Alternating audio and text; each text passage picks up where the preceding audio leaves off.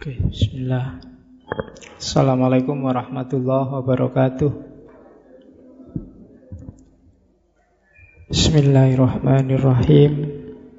Alhamdulillahi rabbil alamin. Wa bihi nasta'inu ala umurid dunya waddin. Allahumma salli wa sallim wa barik ala habibina Muhammadin wa ala alihi wa ashabihi wa man tabi'ahum bi ihsanin ila yaumiddin. Amma ba'du. Bismillah mari kita lanjutkan ngaji filsafat kita di Samakan dulu frekuensinya. Ambil nafas sebentar. Dikasih space sedikit di pikiran untuk bisa masuk dikit-dikit pikirannya. Malam ini kita ketemu Ibnu Tufail. Jangan terlalu penuh kalau isi pikiranmu sekarang macam-macam. Ya satu dua disingkirkan dulu, dibuang dulu. Pilih yang tidak penting, tidak penting. Kalau terlalu penuh isi pikiranmu, susah nanti ngasih materi yang baru.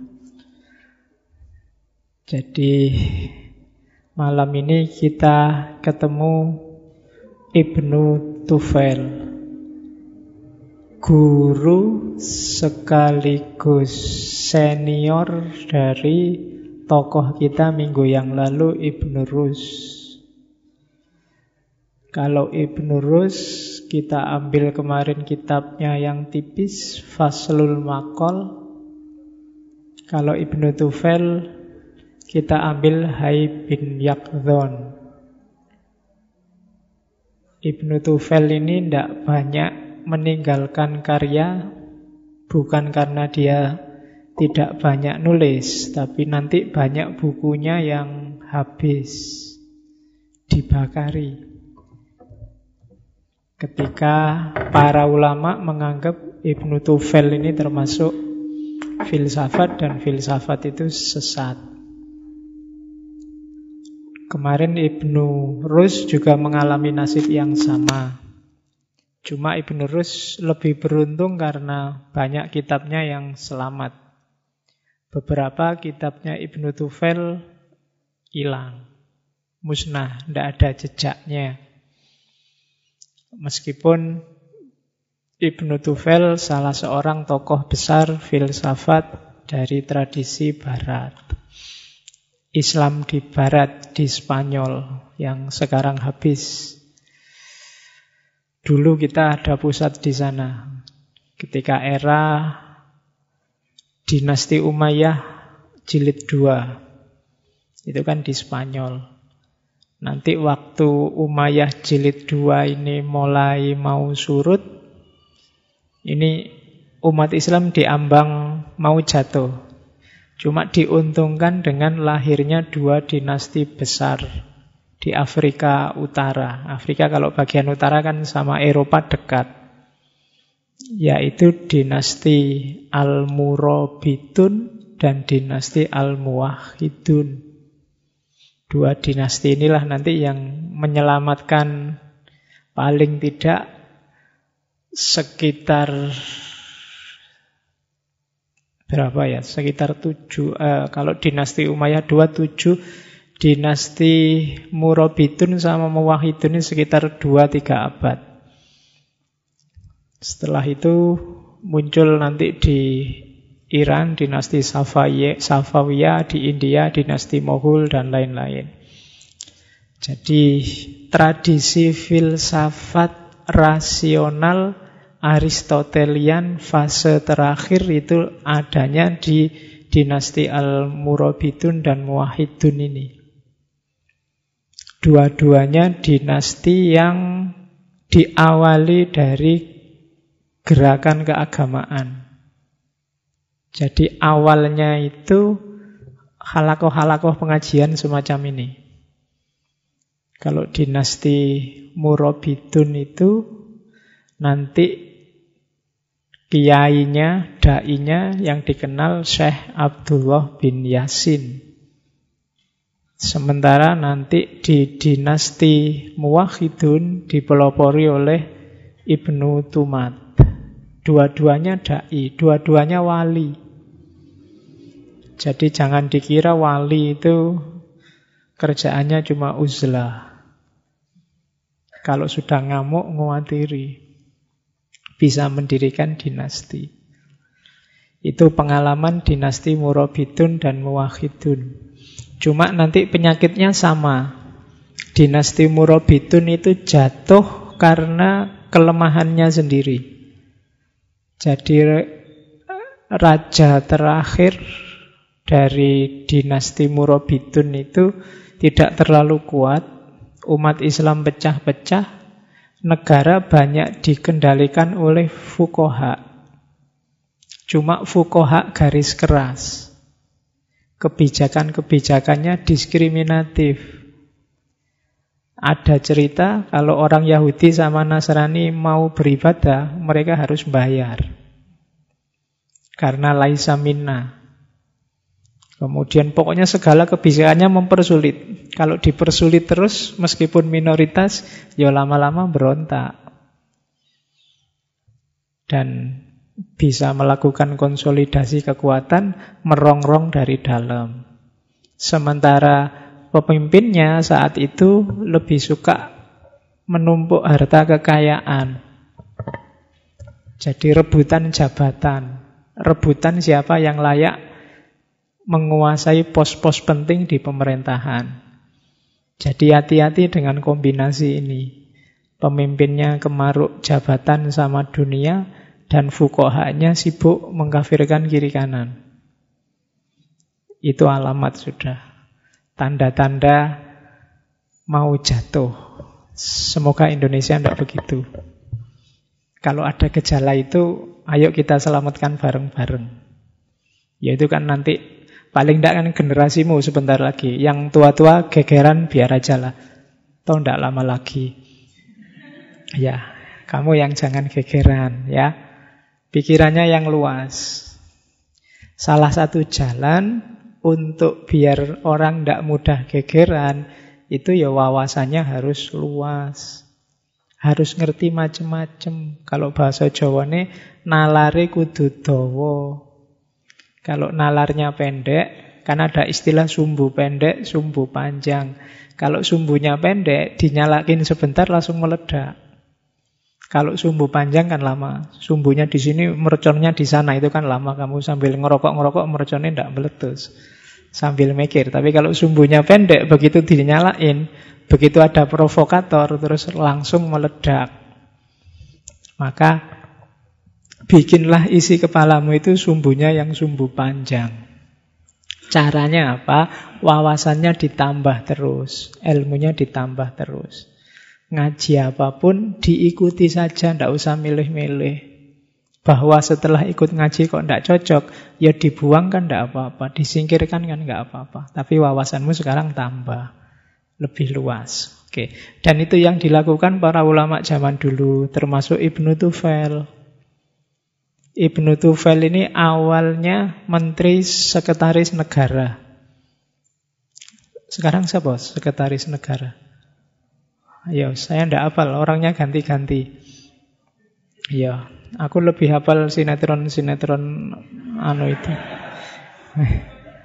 ya, lah menteri gonta-ganti terus sih. Jadi dia menteri sekretaris negara sekaligus nanti jadi tabibnya kerajaan sekaligus nanti jadi ketua apa? Kalau hari ini di Indonesia LIPI, Lembaga Ilmu Pengetahuannya. Jadi Menteri Kesehatan sekaligus Menteri Sekretaris Negara sekaligus Menteri Stek. Sibuk. Itu pun masih bisa nulis buku, masih bisa nulis novel kayak Hai bin Yakdun ini. Dan masih sempat diskusi ke sana kemari. Jadi itu Ibnu Tufail. Nama lengkapnya Abu Bakar bin Abu Bakar berarti kunyah ya. Nama panggilan.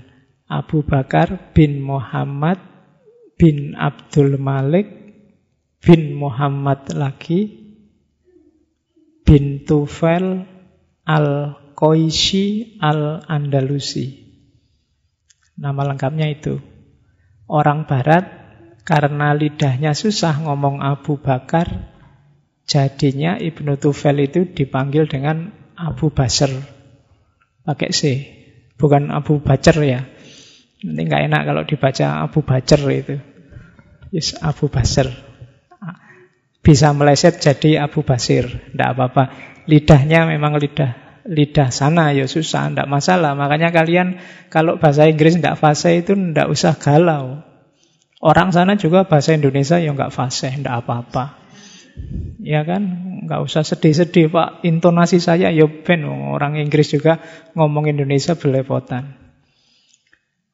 Jadi Ibnu Tufel jadi Abu Basir, nanti Ibnu Rus jadi Averus. Itu kan rodo ado. Tapi ya biar aja sih dimaksud kan orang yang sama. Itu sama kayak orang Jawa, Abdul Malik jadi Dul Malik. Nanti ada dul matin. Nanti itu sama kayak gitu.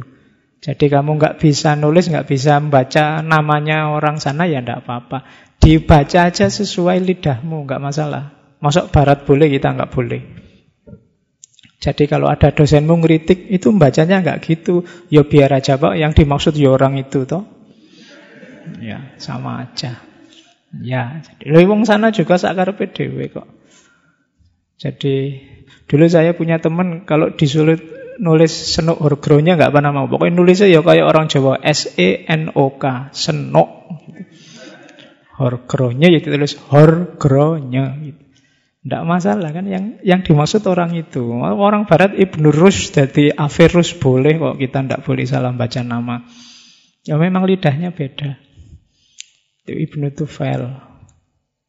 Dia di barat populer karena romannya ini. Hai bin Yakzon.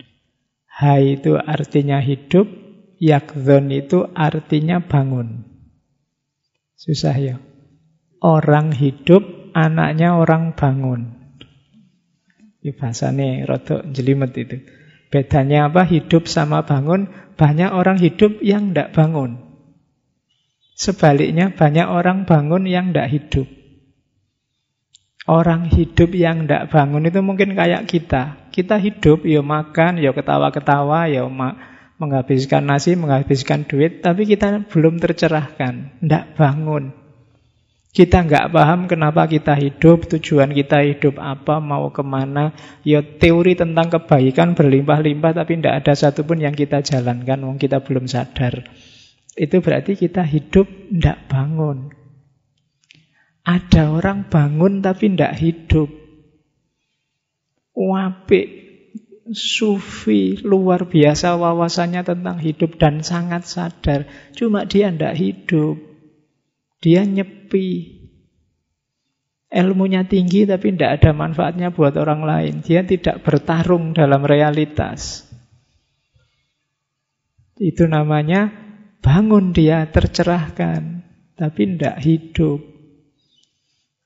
Maka nama Hai bin Yakdon ini tidak cuma dipopulerkan Ibnu Tufel. Ibnu Tufel itu mungkin orang ketiga yang pakai nama ini dalam dalam tradisi filsafat Islam.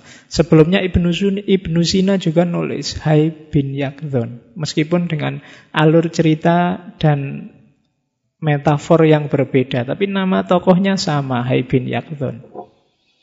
Jadi di antara rahasianya itu, kalian boleh jadi intelektual, tapi harus punya dampak terhadap kehidupan, terhadap masyarakat. Biar tidak cuma Yakdon, tapi juga Hai. Kalau kalian merasa sudah Hai, ya Yakdon lah, bangunlah, Perkaya diri. Cerahkan dirimu sehingga orang lain di sekelilingmu jadi terang. Hai bin Yakdon. Dan ini dipakai oleh Ibnu Tufel untuk menceritakan, menarasikan Kisah perjalanan, sebenarnya perjalanan filsafat. Orang barat menyebutnya filosof otodidak. Jadi Hai bin Yakdhan itu filosof nyari apa saja sampai ketemu Allah. Itu otodidak. Sampai mengalami kalau bahasanya Al-Halaj mungkin namanya hulul. Sampai memahami wahdatul wujud itu dengan pikirannya sendiri. Jadi filosof dan sufi otodidak. Mikir sendiri. Karena ceritanya dia ini kan terbuang di hutan. Nanti ini menginspirasi beberapa cerita yang mirip dalam tradisi barat seperti cerita Robinson Crusoe-nya William Dafoe atau Tarsan. Tarsan yang dibuang di hutan itu bukan Tarsannya Sri Mulat loh. Terus ada lagi, ada yang nonton kemarin Jungle Book. Ya, ceritanya Mowgli. Itu juga inspirasinya dari sini. Karena yang ngawali gaya manusia hidup sendirian di hutan itu Ibnu Tufail. Oke, alurnya hampir mirip. Cuma kalau cerita-cerita seperti Tarsan itu isinya hanya fiksi dan hiburan. Sementara kalau di Ibnu Tufail maknanya dalam. Kalian baca sendiri mungkin agak bingung dengan maknanya. Kalau alur ceritanya pasti paham. Tapi simbol-simbol yang ada di dalamnya itu memahaminya agak panjang. Meskipun kitabnya tipis, itu sudah jutaan tulisan yang lahir dari kitab tipisnya Ibnu Tufel itu. Oke, bismillah. Kita mulai ya ngaji Hai bin Yakdon. Kalimat pertama dari novel. Suatu ketika, kalau kalau Malaysia bilangnya pada suatu, ya, suatu ketika demikian menurut salafus soleh radhiyallahu anhum. Ini fiksi, kamu nggak usah tanya siapa salafus solehnya, wong ini cerita. Ya, nanti kamu debat itu salafi, jangan-jangan wahabi pak. Ya, kita kan pikirannya gitu terus, pokoknya konflik terus yang ada di pikiran itu. Terus ada sebuah pulau di salah satu gugusan kepulauan di Samudra India. Pulau tersebut berada di bawah garis katulistiwa. Ini letter luck, meskipun kamu nggak usah GR duluan. Mesti kamu, wah Indonesia itu mesti. Ya mungkin ya, mungkin juga tidak. Ada yang nafsir itu maksudnya Kamboja, ada yang nafsir itu Vietnam. Mungkin ulamanya belum kenal Indonesia. Atau mungkin Ibnu Tufel padahal mungkin maunya juga ke situ. Karena di antara cirinya nanti ada pohon kelapa. Ya kalau pohon kelapa kan dan pohon pala. Ya, polo-polo. Ngerti polo? Oke, di pulau tersebut lahir seorang manusia yang lahir dan besar tanpa ayah dan ibu. Ini debatable nanti. Ada yang bilang tanpa ayah dan ibu itu maksudnya setelah dilahirkan dia dibuang di situ. Ada versi yang bilang itu salah seorang anak bangsawan dari India. Ayahnya namanya Yakdon, yang ini jatuh cinta sama adiknya raja. Cuma nggak disetujui hubungan gelap terus lahirlah anak terus dibuang di hutan. Ada tafsir ekstrim. Ndak, itu ndak begitu maunya Ibnu Tufel itu. Ini anak ini memang asli anak alam. Jadi dengan komposisi tanah tertentu, udara tertentu, bibit tertentu, dia lahir sendiri dari tanah. Ada yang menafsirkan begitu. Ya terserah lah, wong fiksi aja kok. Anggap aja ada gitu kan juga ndak apa-apa, wong cuma fiksi. Intinya kan bukan itunya nanti, pesan yang mau dia sampaikan. Al-Mas'udi menyebut, Mas'udi ulama ya, bukan Mas'udi mahasiswa. Ya, Ini kalimatnya memang begitu. Dia bilang Al-Mas'udi. Menyebut pulau tersebut dengan nama Pulau Wak-Wak. Nah, nanti ah, panjang itu kalau wak-wak itu apa sih yang dilihat oleh, yang dibayangkan oleh Ibnu Tufel kok pulaunya pulau wak-wak. Kalau dulu acara TV kan bukan wak-wak, tapi waku-waku. Pasti beda ya, wak-wak sama waku-waku. Ini pulau wak-wak. Mungkin Ibnu Tufel pernah lihat bebek apa-apa gitu yang wak-wak-wak-wak. Terus disebut pulau wak-wak. Ya. Ya enggak tahu nanti kita wawancara bareng-bareng Ibnu Tufel. Karpe pulau wak-wak itu pulau apa. Terus Ya sopo ngerti ini bisa diinspirasi loh besok kalau Indonesia mau ganti nama kan bisa pakai negara wak-wak. Lo api. Lo salah satu cara untuk ngatasi utang kita yang banyak kan ganti nama. Kita ganti namanya jangan Indonesia. Jadi kalau orang luar nagih bayar utang, lo itu kan dulu Indonesia, sekarang Indonesia nggak ada. Yang utang kan Indonesia. Kita sekarang namanya wak-wak. Oke, pulau tersebut memiliki tanah dan membentang luas dengan suhu udara normal. Suhunya normal. Cuma normal ini ya relatif kan kata normal itu normal menurut kita sama menurut mereka mungkin beda. Bagi orang Arab, Indonesia ini mungkin tergolong dingin. Tidak normal. Yang normal itu panas seperti mereka dan seterusnya. Cuma kalimat terakhir pulau yang memperoleh sinar matahari sangat sempurna. Ya intinya berarti ya sekitar daerah Katulistiwa. Ya tempat-tempat kita ini berada. Cuma ini hanya ilustrasinya saja. Nanti ada beberapa tempat di novel. Yang pertama pulau tempat lahirnya Hai ini. Dan nanti yang kedua pulau ketika Hai nyebrang setelah ketemu teman. Kita lihat. Ini alurnya. Anak ini nanti dikenal dengan nama Hai. Saya tidak tahu, jangan-jangan di Indonesia sapaan Hai apa di Barat Hai itu ada hubungannya sama ini. Hai.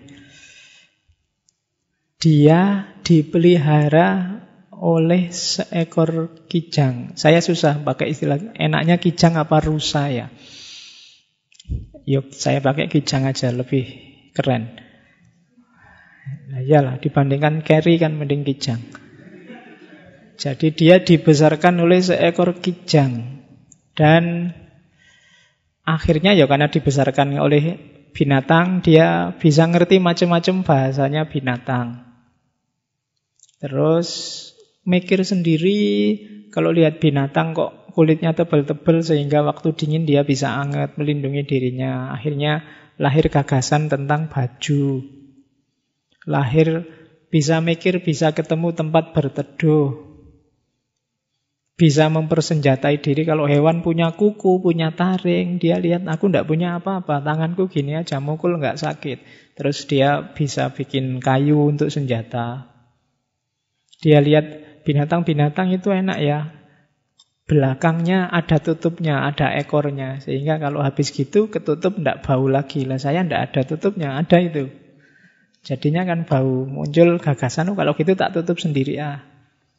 Jadi makanya Tarsan itu kan cuma pakai celana pendek itu di sininya. Kan itu alasannya untuk nutup itu. Karena dia lihat kalau binatang kan ada tutupnya otomatis. Dia punya ekor. Sementara saya tidak punya, ekornya nggak di belakang. Yo, pikiranmu ke mana? Oke. Terus kalau binatang bisa naik pohon canggih, bisa macam-macam, bisa bisa nyari makanan sesuai kebutuhan. Nah, dia juga niru. Oke, sampai di situ normal. Kayak kehidupannya Tarsan di film-film. Setelah itu baru tahap filsafat dimulai. Ketika rusa, kijang yang ngasuh dia mati.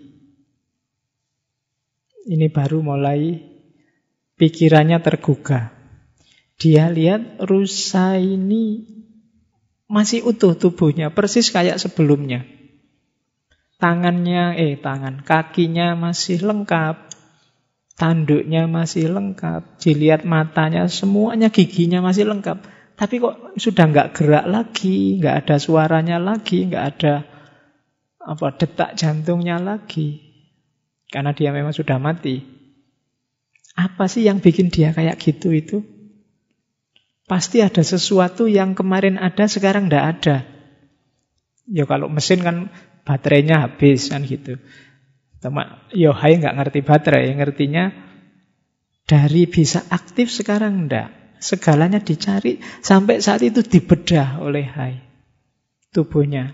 Jadi ini mungkin otopsi pertama dalam sejarah. Jadi dia lihat rusak terus dibedah, dicari-cari. Apa ya yang hilang? Perasaan semuanya ya tetap. Tidak ada yang berubah. Pasti ada sesuatu yang kemarin ada, sekarang tidak ada.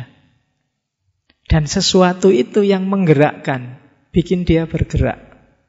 Buktinya apa? Yang fisik ini kelihatan semua utuh, tapi tidak bisa bergerak. Pasti sesuatu yang tidak ada itulah yang kemarin menggerakkan. Dari situ muncul gagasan tentang roh. Nanti dia lihat bilik jantungnya ada dua, yang satu masih ada jantungnya, yang satu berongga. Mungkin yang tidak ada itu ada di jantung yang sebelah sini ini. Nah, itu itu akal, bertanya. Jadi barang siapa ingin jadi filosof di antara syaratnya adalah harus selalu ingin tahu. Jangan gampang menerima apa saja yang kamu lihat sebagai normal. Selalu ada banyak hal yang bisa kamu pertanyakan, termasuk hidupmu sendiri, termasuk dirimu sendiri. Tanya aja, tidak ada yang sudah biasanya begitu, pasti ada hal khusus yang bisa kamu tanyakan. Kamu bisa tanya, kenapa ya aku kok ikut ngaji malam ini? Bukankah enaknya tidur, nyimpen tenaga nanti malam nonton champion? Apa sih manfaatnya ngaji buatku kan gitu. Tanyakan dirimu, tidak ada yang nggak layak ditanyakan. Segalanya bisa layak ditanyakan. Kenapa malam ini aku kok makannya di warung itu ya?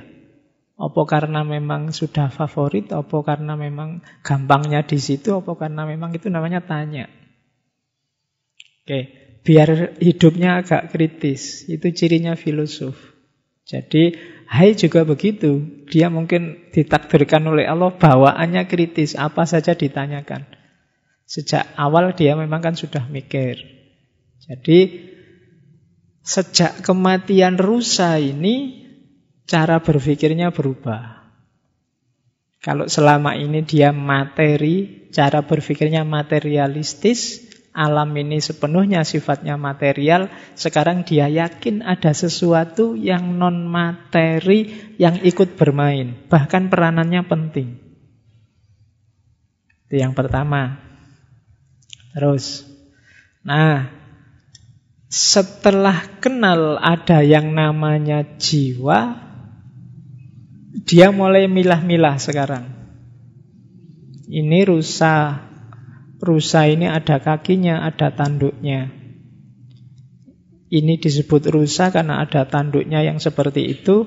Ada hewan sama-sama punya kaki, sama-sama punya kulit kayak rusa tapi nggak ada tanduk. Namanya ini. Kalau ini bosar namanya gajah. Terus dia mengklasifikasi-klasifikasi. Oh kalau itu burung, kalau burung bisa terbang. Yang bikin dia terbang pasti ada rohnya yang sama kayak yang di kijang ini. Dia mulai bisa membedakan. Ada yang imateri, ada materi. Yang materi mungkin beda-beda tapi bisa jadi penggeraknya sama ini. Itu sama kayak teori baterai itu kan. Baterainya sama, mereknya alkalin apa ABC, tapi kan dia menggerakkan macam-macam. Bisa menggerakkan radio, bisa menggerakkan robot-robotan, bisa menggerakkan. Nah ini di hai muncul pikiran semacam itu. Oh berarti makhluk hidup itu ada samanya, ada bedanya. Oke, jadi namanya generalisasi klasifikasi. Ini cara berlatih logika. Jadi dia tidak harus berlatih Aristoteles, dia mulai mikir kayak Aristoteles. Kenapa bisa begitu? Ya karena Ibnu Tufel ahli Aristoteles yang ngarang. Ya mesti wae kan, mesti terus dimasukkan di hai. Jadi ini Ibnu Tufel mau ngomong asal pikiran kita sehat dan waras, kebenaran macam apa pun pasti masuk. Termasuk kebenaran-kebenaran filsafat. Jadi sampai di titik ini dia ketemu yang namanya jiwa. Terus hai ndanga, ndanga itu bahasa anunya apa? Uh, men, ya ndanga lah, kamu ngerti ndanga kan melihat ke atas. Ya susah ya bahasa Indonesia. Mendangak ya ndak enak, mendongak ya dia lihat ke atas, lihat bintang-bintang, lihat benda-benda langit. Kemudian dia nyari apa ya bedanya benda langit yang di sana sama bumi ini. Ada persamaan karakter apa? Kok sana kelihatannya bercahaya, kok bumi ndak ya? Bumi itu kira-kira kalau dilihat dari sana di sini juga bercahaya apa enggak ya? Nah, itu masuk dalam pikirannya Hai. Kok kelihatannya teratur dan tertib. Matahari pagi dari timur muncul terus akhirnya tenggelam di barat hilang lagi. Besok muncul lagi, tidak pernah kesiangan. Ya kalau kan dia yang matahari kesiangan kan lucu, wong dia yang punya pagi dan siang. Kok tertib ya? Rembulan juga begitu, puturannya tertib. Ini ketertiban ini dia otomatis apa ada yang ngatur ya? Itu hai. Apa kebetulan? Kalau kebetulan kok setertib itu? Nah itu hai. Jadi lihat alam semesta. Terus Nah, dari situ Terus dia menyimpulkan, oh mesti ini ada yang ngatur, ada yang bikin. Roh tadi yang menggerakkan jasad itu juga pasti ada sumbernya. Sumbernya harusnya yang paling puncak. Sumbernya pasti bukan materi. Pasti yang imateri. Kenapa? Karena kalau materi nanti butuh yang materi lagi yang menggerakkan. Dan kalau terus-terusan materi ya tidak mungkin karena materi selalu butuh yang menggerakkan, selalu butuh yang menggerakkan. Pasti dia bukan sesuatu yang materi. Jadi dari situ nanti dia ketemu namanya wajibul wujud. Nah, terus ketika dia menyimpulkan ada wajibul wujud, dimulailah nanti pergeseran cara berpikir dari cara berpikir empiris, lihat fakta, menuju cara berpikir rasional, dan akhirnya masuk ke cara berpikir intuitif gaya sufi. Jadi, setelah menyimpulkan ada wajibul wujud, ada yang menggerakkan, menguasai alam semesta, hai kemudian menalar. Ini yang wajibul wujud ini pasti maha penyayang. Yang wajibul wujud ini pasti maha tertib, maha adil, maha teliti. Yang terus mikir tentang Tuhan. Setelah itu muhasabah terus mikir sampai dia ketemu saya harus ketemu dengan yang wajibul wujud ini. Saya harus bisa menemukan yang imateri-imateri, menemukan yang wajibul wujud. Jadi sampai di sini ya.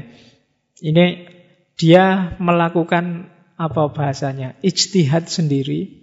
Gimana caranya aku ketemu yang satu yang wajib ini? Yang jelas imateri. Karena imateri maka jasadku, fisikku yang materi ini tidak boleh ikut-ikutan. Biar dia tidak ganggu, ya di hari saat itu semacam diet, semacam pokoknya jangan dimanja yang fisik ini, biar dia tidak ganggu terus. Biarkan pikiran, akal, batin yang sejati, yang yang itu imateri, jiwa yang ada di dalam ini yang imateri, bisa leluasa berhubungan dengan wajibul wujud yang juga imateri. Caranya apa? Fisiknya dikesampingkan, jangan dimanja.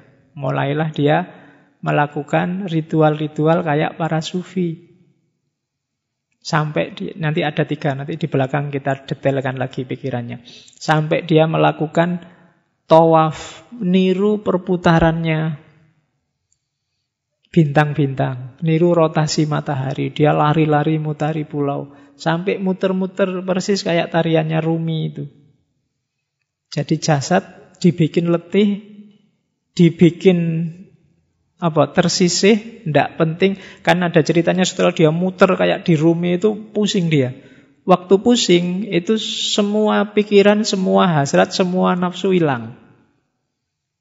Kalau nggak percaya cobaan. Kamu muter loh kayak itu loh, mesti ngeluh. Kalau sudah pusing itu mbok tesismu nggak jadi-jadi, skripsimu nggak lulus-lulus itu hilang sudah. Wong yo pusing. Jadi jasadmu kalah sudah. Nah, itu dilakukan oleh Hai. Dan pada puncaknya memang jiwanya jadi kuat. Ketika jiwanya kuat, akhirnya dia mulai masuk ke alam yang selama ini nggak bisa dia akses. Ya kalau ini mulai masuk dunia intuitif, dunia sufistik, ke alam metafisik. Sampai dia mengalami kesatuan dengan yang wajibul wujud itu. Nanti ada tahap-tahapnya. Oke, ini masih ringkesannya. Setelah dia mengalami puncak pengalaman, bertemu dengan yang wajibul wujud itu, dia asik di situ. Karena pengalaman kamu nggak ngerasa ya, kapan-kapan kalau bisa. Pengalaman dekat dan akrab sama Allah itu kan mengasihkan. Dia asik terus sampai satu ketika ada orang kesasar ke situ namanya macam-macam. Di banyak buku terjemahnya beda-beda. Ada yang menyebut absal, ada yang menyebut namanya ibsal, ada yang menyebut isal. Terserahlah wong nama aja kok. Yang dimaksudkan itu. Nah, isal ini dua orang sebenarnya bersahabat dengan namanya Salman. Kalau Salman itu kiai fikih, kalau Isal ini kiai sufi. Jadi berbeda pendapat, berdebat, terus Absal ini pingin uzlah. Akhirnya dia nyari tempat yang sepi, kok dilala ketemu Hai yang sudah mengalami ekstase. Akhirnya ketemu, kenalan, say hello, tukar-tukaran nomor, kalau sekarang begitu mungkin. Terus ngobrol. Setelah kenalan cerita sampai ini dari mana, siapa. Hai juga begitu cerita dirinya. Terus cerita semua pengalamannya Hai. Absal juga cerita tentang agamanya dan ajarannya. Terus dari situ ketemu, oh iya kita sama berarti ya. Yang saya cari dengan akalku itu kok disebut semua di ajaranmu. Berarti pencarian akalku itu sebenarnya cocok sama agamamu. Karena kebetulan karena Absal ini sufi, pikiran-pikirannya dekat sama pencariannya si Hai. Terus Hai jadi penasaran, pingin tahu kayak gimana sih duniamu, dunia ramai itu ketika menerjemahkan agama itu seperti apa sih? Oh ya, tenang aja, ayo tak ajak ke rumah temanku. Dia raja bahasanya. Kepala suku namanya Salman. Dia kiai juga, dia lebih ngerti ajaran. Dia ulama fikih. Akhirnya berdua datanglah ke tempatnya Salman yang ulama fikih ini. Ya bertamu ke sana terus dikasih minum segala. Minum dulu.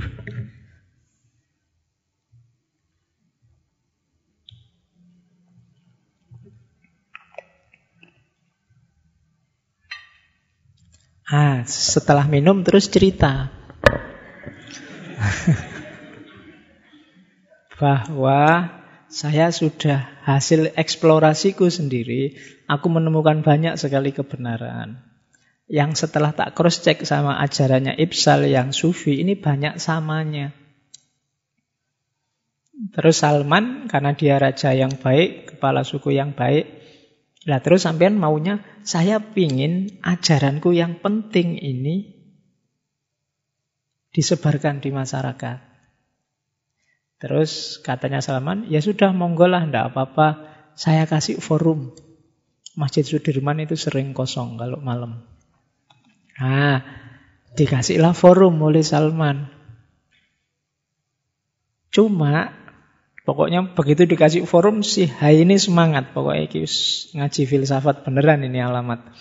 Dia mau cerita pengalamannya selama ini di Pulau Wak-Wak. Biar orang sama tercerahkannya kayak dirinya. Tapi begitu dia ngomong sesuai pengalamannya, masyarakat cuma melongo, ndak paham. Iki orang ngomong apa to ya? Ndak nyampe mereka. Ya mungkin di awal-awal mereka kasihan aja mesake takmirnya sudah ngundang pembicara masa nggak ada yang datang dibetah-betahin dengerin. Lama-lama habis. Lama-lama banyak yang benci karena bosen dan dikritik. ajaran sesat itu. Tidak sama kayak ajaran kita.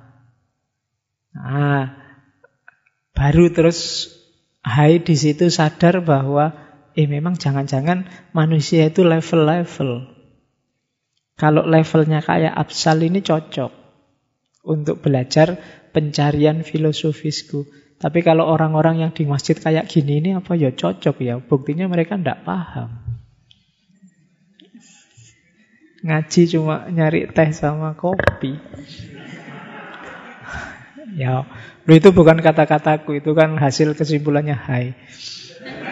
Jadi jangan-jangan ini memang manusia ini ada levelnya.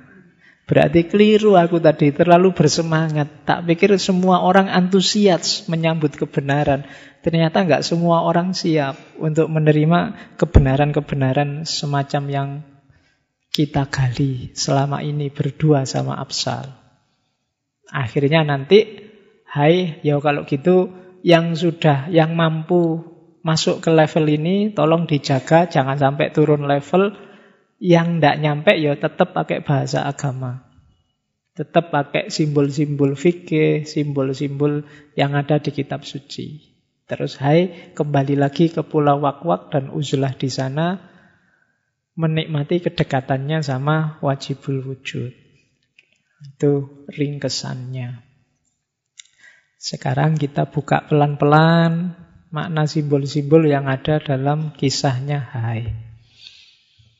Oke, ada kalimat di tengah yang setelah Hai mengalami pencerahan, menurut saya bagus. Katanya Ibnu Tufel, sekarang mari dengarkan kata hatimu. Tataplah mata batinmu akan apa yang diisyaratkan kepadamu. Barangkali dengan isyarat tersebut engkau menemukan petunjuk yang dapat membawamu ke jalan kebenaran. Namun dengan satu syarat, saat ini jangan memintaku untuk menjelaskan pengalaman tersebut secara lisan tentang apa yang aku jelaskan dengan tulisan. Karena kesempatanku untuk menjelaskannya secara lisan sangatlah terbatas dan aku tak mampu menjelaskan apa yang terlintas dalam benak dengan menggunakan kata-kata. Jadi ini Ibnu Tufel mau ngomong, setelah mengalami puncak pengalaman bersama Tuhan, aku tidak bisa ngomong lagi sudah. Wis cukup yang tak tulis, ya itu aja. Kalau kamu mau, dengarkan kata hatimu. Cuma kata hati yang jernih, mata batin yang jernih. Kamu akan bisa menangkap banyak sekali isyarat. Kalau batinmu kotor, ya dibersihkan dulu. Baru kamu paham apa yang nanti aku omongkan. Nah ini kalimat perantara. Setelah hai mengalami ekstase. Susah dijelaskan. Ya bisa aku cuma nulis seperti ini. Kalau mau tak jelaskan detail, wong tidak bisa. Wong pengalaman itu harus dialami sendiri. Saya mau cerita manisnya teh yang tak minum tadi. Susah. Kalau kamu ingin tahu, minumlah sendiri teh itu. Tehmu sendiri-sendiri tapi jangan ke sini. Kamu baru ngerti seperti apa manisnya. Kalau hanya tak cerita, indah, tidak nyampe. Maunya Ibnu Tufel setelah nyampe di level intuitif, level laku, setelah Hai tadi mengalami fase pemahaman, kemudian ada beberapa fase laku, nanti ada tiga fase. Di level itu harus dijalani, tidak bisa cuma dipahami. Itu yang katanya orang Jawa, ilmu itu kelakonnya ganti laku. Ini nanti yang membedakan filsafat Islam dengan filsafat Barat.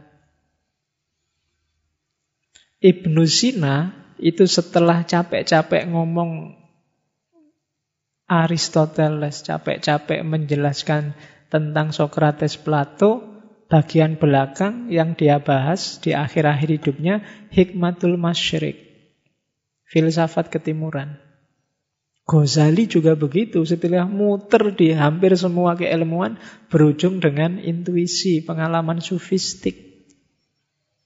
Farabi juga begitu.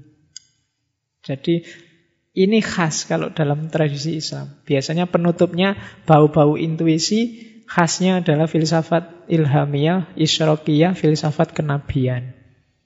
Termasuk di Ibnu Tufel ini. Oke, jadi ini ada proses. Nah, kalau kalau prosesnya diikuti kan hasilnya matang. Setelah pengalaman empiris di didalami, tidak puas, naik ke level lebih atas, pengalaman rasional, dijelajahi, naik satu level lagi pengalaman intuitif. Jadi matang, hidupnya utuh. Potensinya terbuka semua. Ada orang yang ujuk-ujuk ingin pengalaman intuitif, tanpa bekal empiris dan rasional. Ya hasilnya bisa jadi kelenek. Ujuk-ujuk mau kebatinan, nanti melahirkan kanjeng Dimas. Ya, kebalik. Karena apa? Karena ada yang terlewati. Yang terlewati biasanya kan kosong. Akhirnya apa? Yang kebatinan tadi, yang sufi tadi, ujuk-ujuk sufi, kadang-kadang akhirnya mainnya untuk kepentingan yang kosong. Untuk kepentingan yang empiris, yang rasional, untuk kepentingan dunia. Karena tadi kelewatan. Kalau sudah penuh semua sebelumnya, ah dunia sudah tahu aku kayak gimana dunia. Ternyata ya gitu aja, lebih enak di sini. Itu karena dia sudah ngalami. Tapi kalau nggak ngalami sama sekali, dia belum selesai dengan dunia. Nanti berat masuk ke dunia sufi, gampang tergoda. Jadi kadang-kadang ada orang makom spiritualnya tinggi tapi bolak-balik kawin, bolak-balik kawin. Itu karena ada yang terlampaui kemarin, dia belum puas di situ. Sehingga disibukkan oleh yang bukan makomnya. Nah, itu nanti katanya Ibnu Tufel, cobalah sekarang buka mata batinmu, alami, jangan cuma dipahami. Oke. Jadi hasil ringkesan tadi Hai bin Yakdhon itu observasi empiris melihat realitas. Dari situ dia paham mana partikular, mana universal, itu sampai umur 21. Terus pen, penjelajahan rasional, mikir tentang mana sama, mana beda, mana klasifikasi, mana. Itu umur 21 sampai 35. Kemudian masuk ke dunia sufistik, mengalami kebahagiaan sejati, kebenaran sejati yang hakiki, itu umur 35 sampai 49. Setelah itu kembali lagi ke dunia, mengajarkan, mencerahkan yang lain, itu berarti 49 ke atas. Kalau Ibnu Tufel 1105 dan nanti meninggal 1100 85. Jadi umurnya 80 tahun. Dan ring waktu tahap pertama, tahap kedua, tahap ketiga ini sebenarnya mengkiaskan sejarah hidupnya sendiri si Ibnu Tufel. Jadi dia belajar dulu ilmu empiris, kemudian ilmu-ilmu rasional, dan terakhir ilmu-ilmu intuitif, setelah itu menyebarkan ajaran. Berarti umur 49 ke atas. Sekarang umurmu berapa? 21-an kan harusnya sudah katam ilmu-ilmu empiris. Cara baca rasional. Setelah itu baru berpikir metafisik. Itu umur 29 sampai 35. Eh 21 sampai 35. Kalau sudah 35 masuk dunia sufi. Harusnya begitu. Cuma saya kok enggak bisa ya. Makomnya urung nyampe. Oke, terus tuh ringkesannya itu. Nah, sekarang kita lihat. Apa sih yang dilakukan Hai bin Yakdon? Kalau dari novel itu ada tiga hal saya jelaskan tadi ya. Tiga laku. Yang pertama laku menahan diri. Yang kedua laku. Kalau bahasa novelnya itu menyerupai benda-benda langit. Benda-benda langit itu kan patuh, kemudian tertib, kemudian kontinu, tidak pernah membantah, tugasnya apa ya selalu begitu. Nah dia meniru itu dengan geraknya. Dia merasa benda langit ini mesti digerakkan atau disuruh bergerak dengan yang oleh yang wajibul wujud tadi. Dan mereka begitu setia, kalau pakai logikanya hai, sampai mereka bercahaya. Kalau begitu, biar aku bercahaya seperti mereka. Pasti itu karena kemuliaan mereka mengikuti, menaati perintah dari yang wajibul wujud tadi. Kalau bahasanya di situ dari al-fa'il. Yang al-fa'il itu yang menggerakkan, aku harus ikut gerak kayak mereka. Gerakan fisik. Ya, gerakan muter-muter, muter kayak gasing tadi sampai pingsan. Itu dia ingin mengalami itu. Tujuannya apa? Yang pertama sama yang kedua. Yang pertama sama yang kedua ini adalah untuk melemahkan yang fisik. Karena fisik yang terlalu kuat bikin jiwa lemah. Nafsunya kuat. Hati-hati ya, kalau nafsu kuat itu susah. Mikir juga susah. Saya lupa kemarin ada baca, ada gium Arab itu. Agak saru, tapi penting untuk pedomanmu ya. Iza qoma dzakaru zahaba thulutha aklihi. Kalau itu berdiri, maka dua per tiga akalmu hilang. Tinggal sepertiga. Maksudnya apa? Ada gium itu, hati-hati kalau nafsumu sedang besar. Orang itu kalau nafsunya besar, akalnya tergerus. Nafsu apa saja sebenarnya. Kalau kamu ambisimu besar, itu biasanya akalmu, kalau di situ malah tinggal sepertiga, karena yang dua per tiga hilang. Ditempati oleh ambisi. Jadi hati-hati. Caranya kalau hai, lemahkan. Rumus pertama apa? Membatasi diri. Fisik itu penuhi sesuai kebutuhan, cukup. Selesai. Makan kalau cukup satu piring, ya satu piring sudah. Nggak usah ngarang-ngarang lagi. Ini kalau nambah cemilan, makanan pembuka, makanan penutup, kemudian oh ya. Ya itu nuruti nafsu kalau begitu. Cukup lah. Cukupmu berapa? Kalau cukupnya nasi kucing satu, ya enggak apa-apa. Satu aja. Kalau kurang ya nambah satu lagi. Ya, enggak apa-apa. Ya kalau masih kurang lagi, ya nambah satu lagi. Ya, sing penting cukup. Paradigmanya cukup. Syukur-syukur dikurangi sedikit. Karena misinya memang melemahkan. Kalau dalam sufi namanya, kalau dalam suluk bahasa baratnya namanya purgatif. Pen, model penyiksaan diri. Jadi disiksa dikit-dikit bukan karena nggak mampu. Kalau kamu makan nasi kucing satu karena memang duitnya cukup itu, itu bukan penyiksaan. Ya memang memang nggak punya. Kalau punya sih kamu mau beli seangkirin-angkiringannya punya. Cuma beli cukup satu aja. Dalam rangka tirakat orang Jawa menyebutnya. Nah itu apa? Menguatkan jiwa. Bikin jiwa tangguh. Kalau jiwamu tangguh, proses hidup seperti apa pun lancar nantinya. Khususnya dalam konteks hubunganmu sama Allah. Karena yang wanafaho min fihi min ruhi dalam diri manusia, ada ruhnya, bagian dari ruhnya Allah dalam diri kita.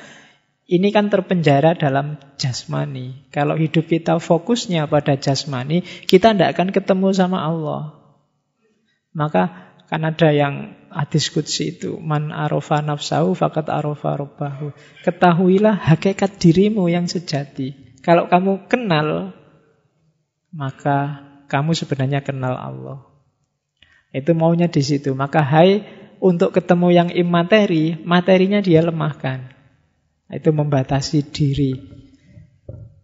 Jadi baik itu makanan termasuk nafsu, ambisi apa pun jenisnya, apakah itu nafsu yang itu, apakah itu nafsu yang lain, dibatasi secukupnya saja. Ya, istri satu kan cukup. Kalau belum punya ya ditahan. Jangan dilampiaskan yang aneh-aneh. Ya, ya itu latihannya di situ.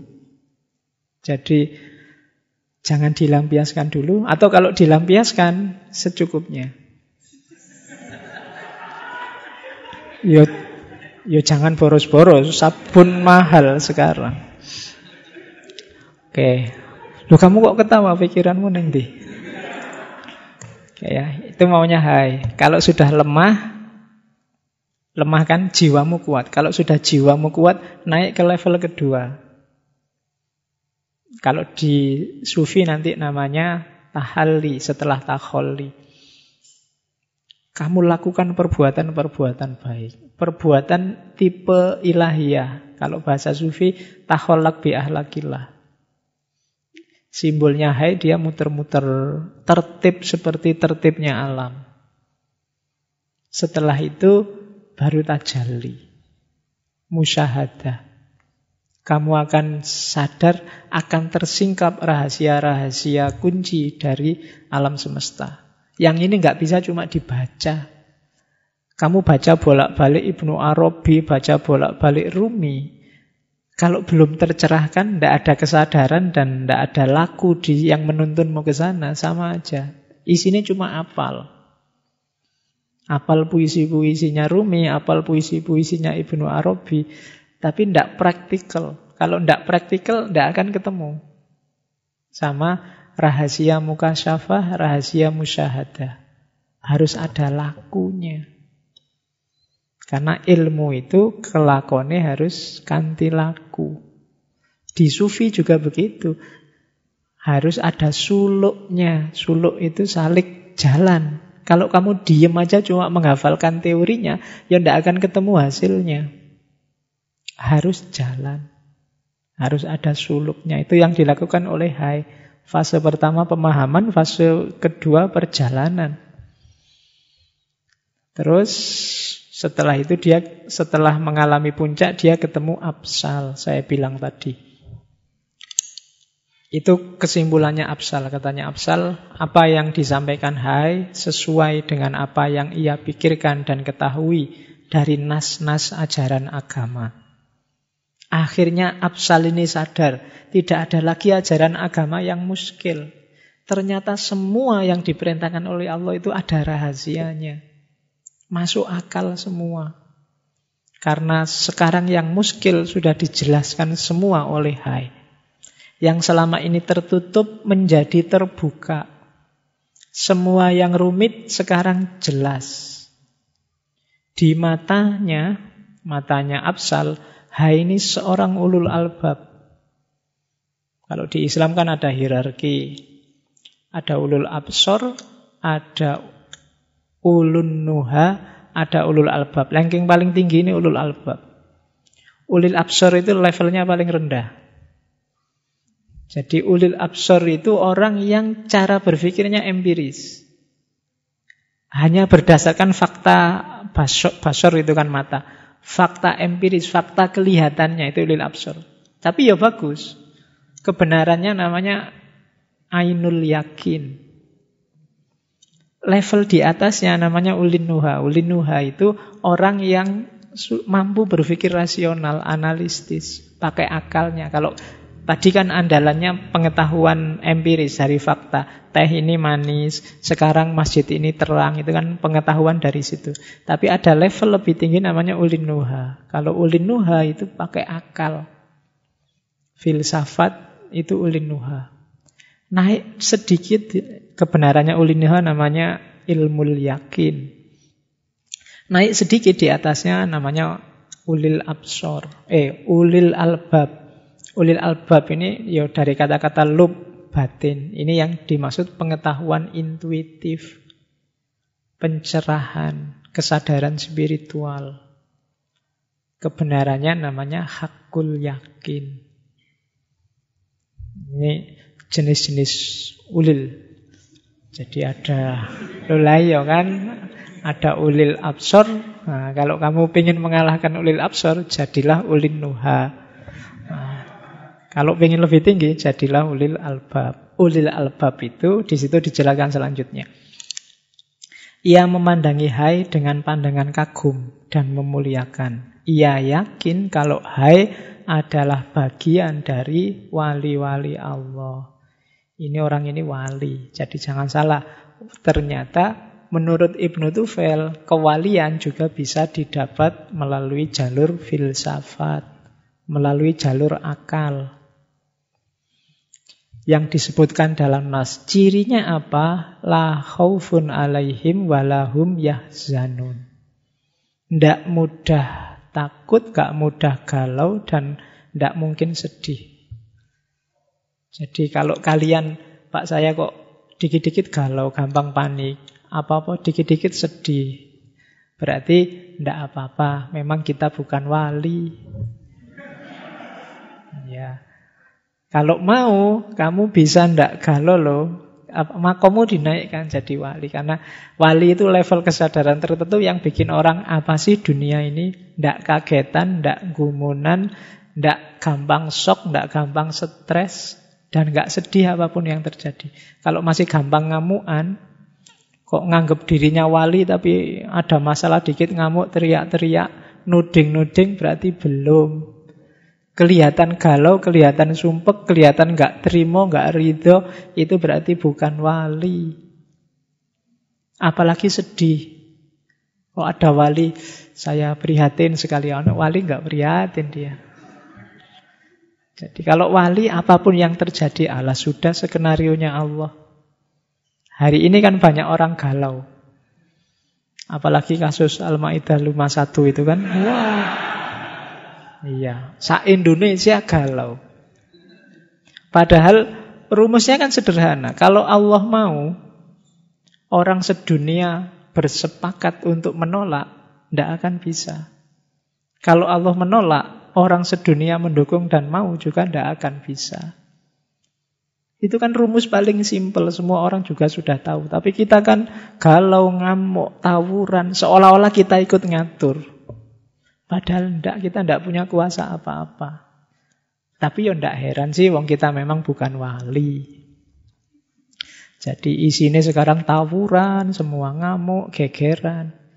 Padahal nanti kalau Allah jengkel tiba-tiba Ahok jadi presiden aja tahun ini. Lo jadi dia. Bisa loh gitu. Sopo ngerti tiba-tiba Jokowi jalan-jalan ke Papua terus dipanah sama orang sana. lo, lo umpama begitu. Lo kan kita pilihan lagi. Terus pilihan lagi ada partai yang sayang sama Ahok, Ahok diangkat. Jadilah dia presiden. Nangislah kalian. Masa kemarin gubernur aja ditolak, sekarang presiden. Tapi kalau Allah yang bikin skenario mau apa? Gak usah kaget, gak usah galau. Kalau Allah mau apa sih yang tidak mungkin terjadi? Betul. Buat tiba-tiba ternyata bukan Ahok yang jadi presiden. Ini kita Mirzani.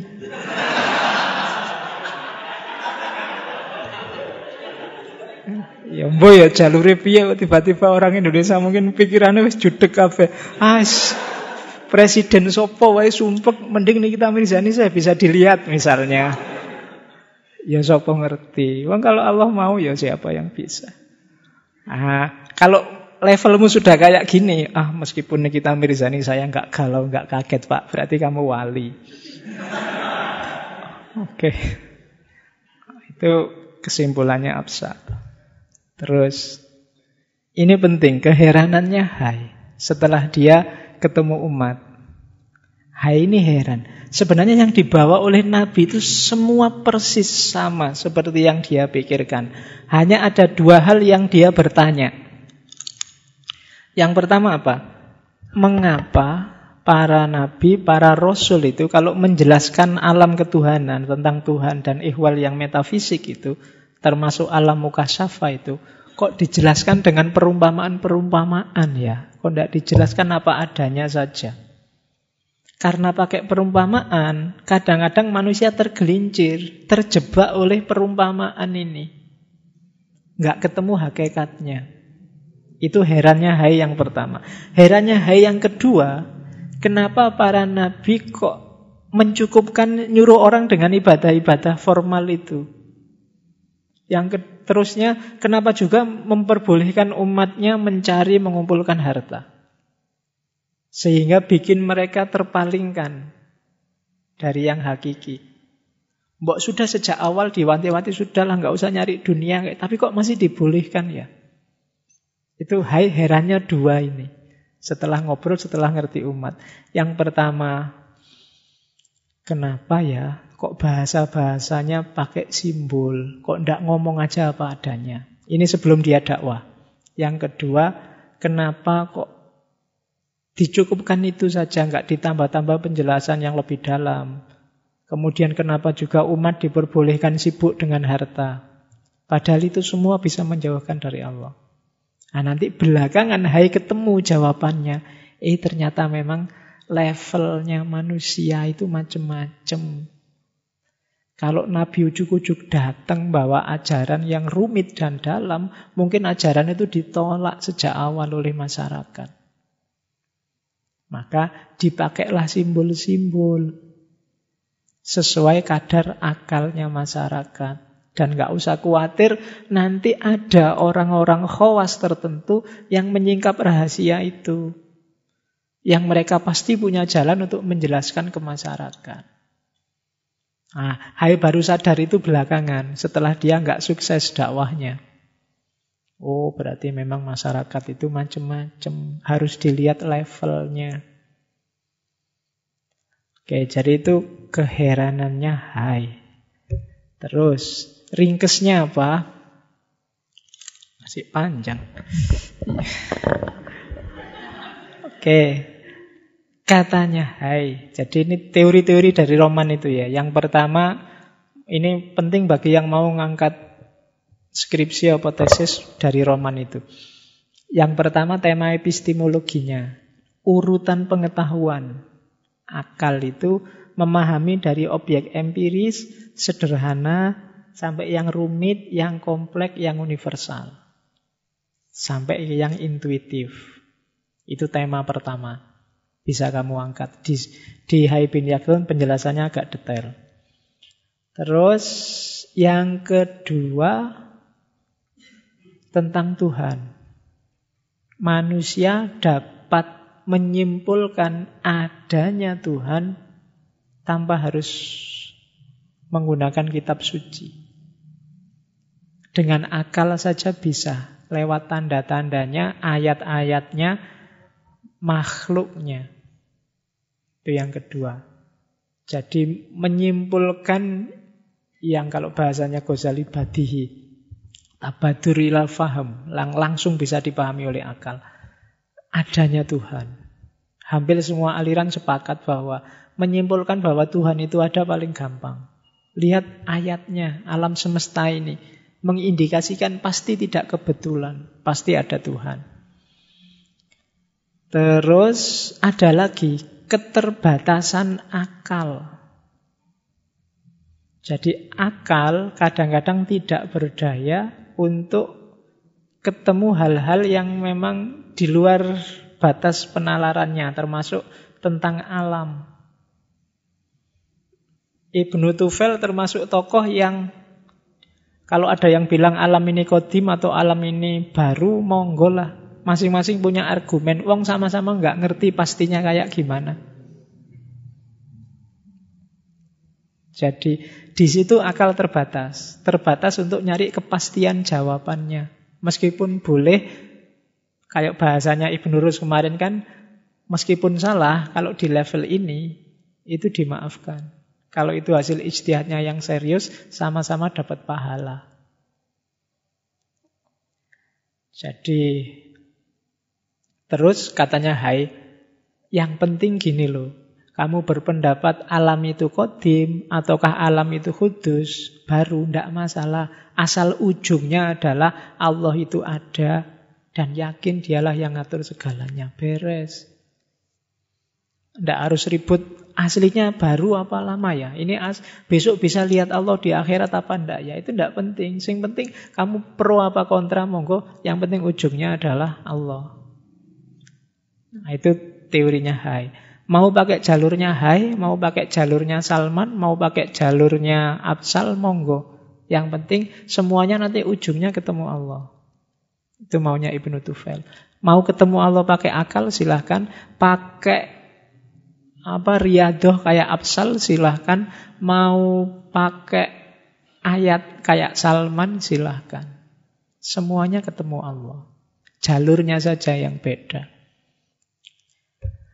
oke terus selanjutnya urusan sosial nanti di Haibin Yakdon kamu bisa memahami bahwa dengan akal kita bisa ketemu akhlak selain ketemu Allah. Kita bisa menyimpulkan mana baik, mana buruk. Pakai akal.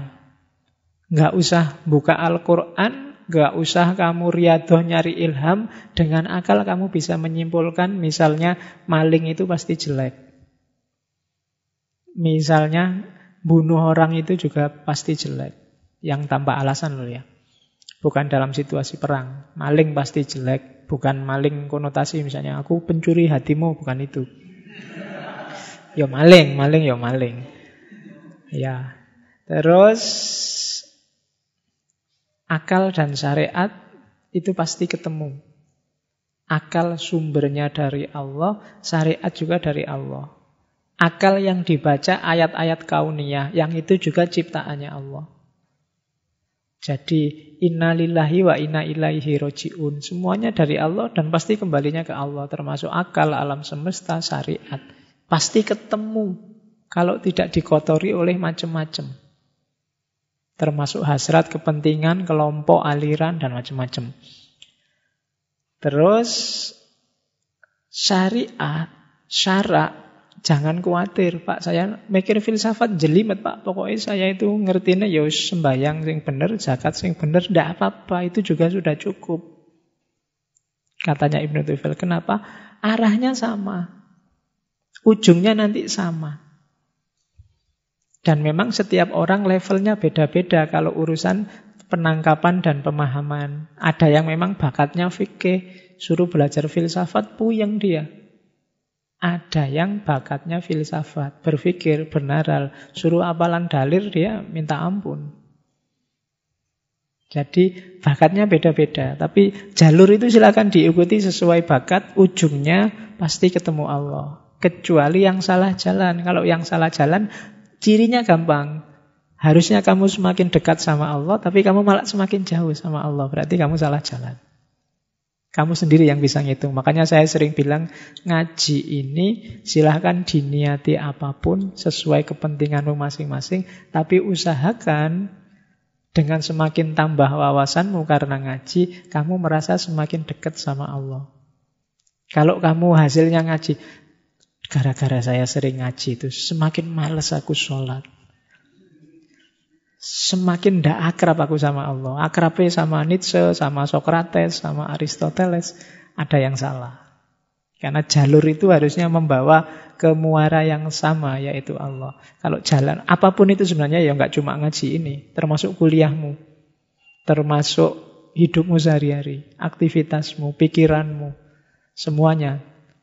Ya termasuk mungkin pacaranmu. Dengan pacaran ini Pak, saya semakin dekat sama Allah. Semakin Ya, ya apa ya tenan iso ngono kalau bisa ya hebat. Ya, berarti kalau apel malam minggu kamu wiritan, tahajud bersama terus kataman mungkin gitu ya. Oke. Sekarang kita lihat pergagasan. Jadi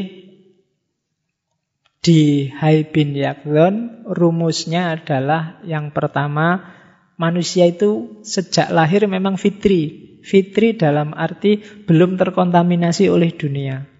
Tapi dia punya potensi ketuhanan. Sudah ada citra Tuhan dalam dirinya. Jadi fitrahmu adalah mengenali Tuhan yang ada dalam dirimu. Cuma nanti gara-gara perjalanan hidup yang macam-macam, ini terhijab, tertutupi. Jadi kamu sampai lupa tujuanmu, orientasi hidupmu hilang. Tapi hakikatnya begitu kamu lahir, kamu sudah punya potensi mengenali Tuhan. Ini sifatnya fitrah. Itu yang bikin kadang-kadang orang-orang nakal, para penjahat itu tiba-tiba merasa kosong, merasa hampa. Semakin jauh dari Allah, semakin ada yang hilang ya rasanya. Itu yang dirasakan Barat hari ini sebagian besar. Kehilangan spiritualitas.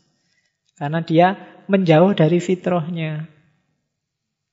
Ya kalau Allah bilang wana fihi min ruhi itu kan bukan berarti hanya orang Islam aja yang digituin. Ya semua manusia. Jadi dari segi epistemologi ini kayak Plato. Jadi dalam diri kita ada ide bawaan. Cuma dalam bahasa filsafat Islam ide bawaan ini sifatnya ilahiyah, pengetahuan-pengetahuan fitri tentang ketuhanan.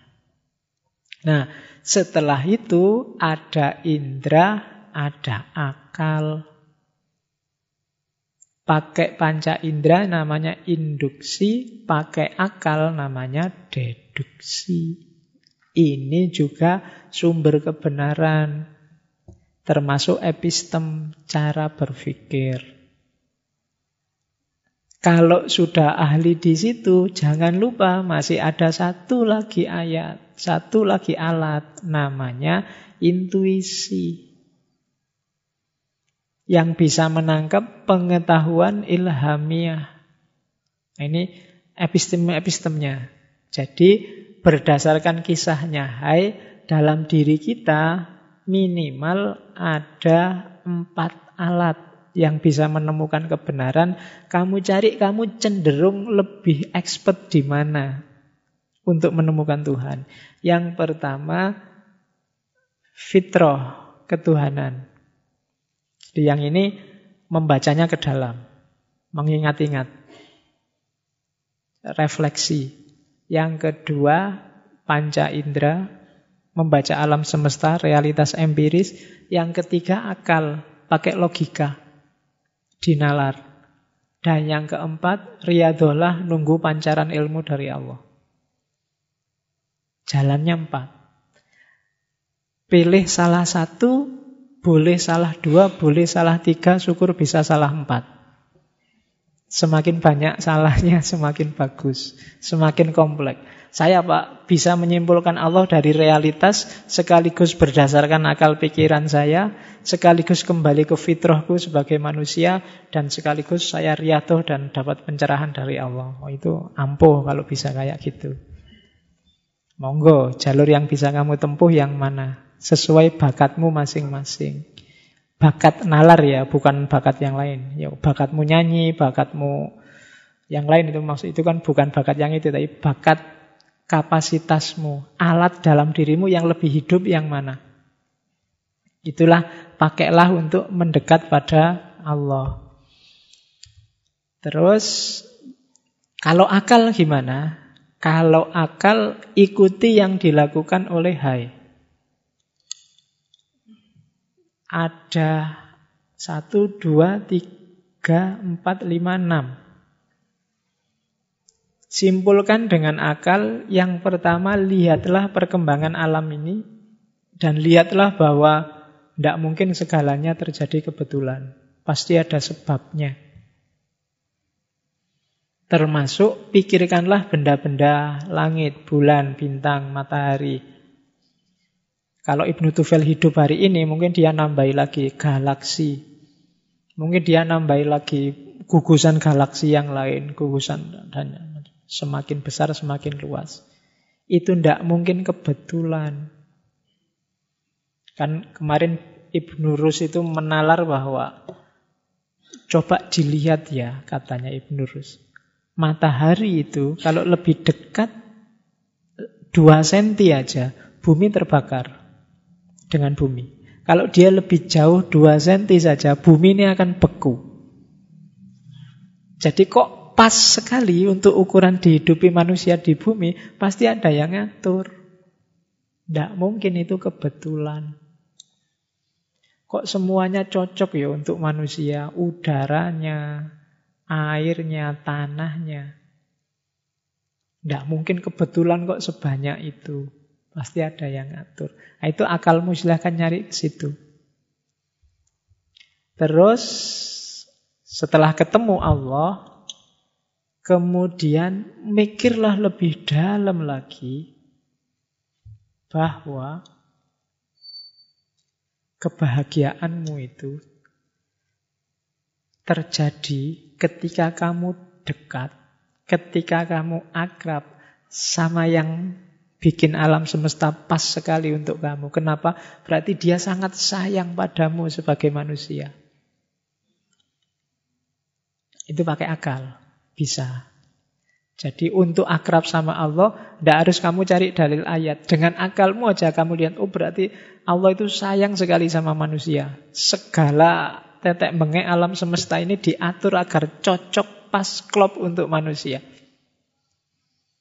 Dan dia maha kuasa, maha segalanya. Berarti aku akan senang luar biasa kalau akrab sama dia. Mesti bahagia. Ya kan? Dekat sama Allah itu kan melebihi bahagia punya orang dalam. Kamu kan sering gitu. Tidak pernah sholat, tidak pernah jakat, nggak pernah macem-macem kok pengen masuk surga. Jangan-jangan punya orang dalam ya. Ah. Orang dalamnya itu Allah. Jadi rayulah Allah biar dekat sama kamu. Padahal Allah itu kalau kamu kan ada hadisnya itu kan, kalau kamu mendekat satu langkah, dia mendekatimu seratus langkah. Jadi kalau kamu mendekati Allah dengan motor, Allah mendekatimu pakai pesawat. Jadi yo kan gambarannya begitu.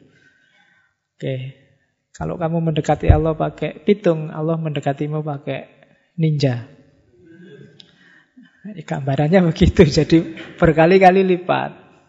Jadi maka kebahagiaanmu justru kalau kamu cerdas. Kuncinya bukan ketika kamu jauh dari Allah, atau Allah nggak mengawasimu, tapi ketika kamu sangat dekat sama Allah. Kalau akalmu jalan. Terus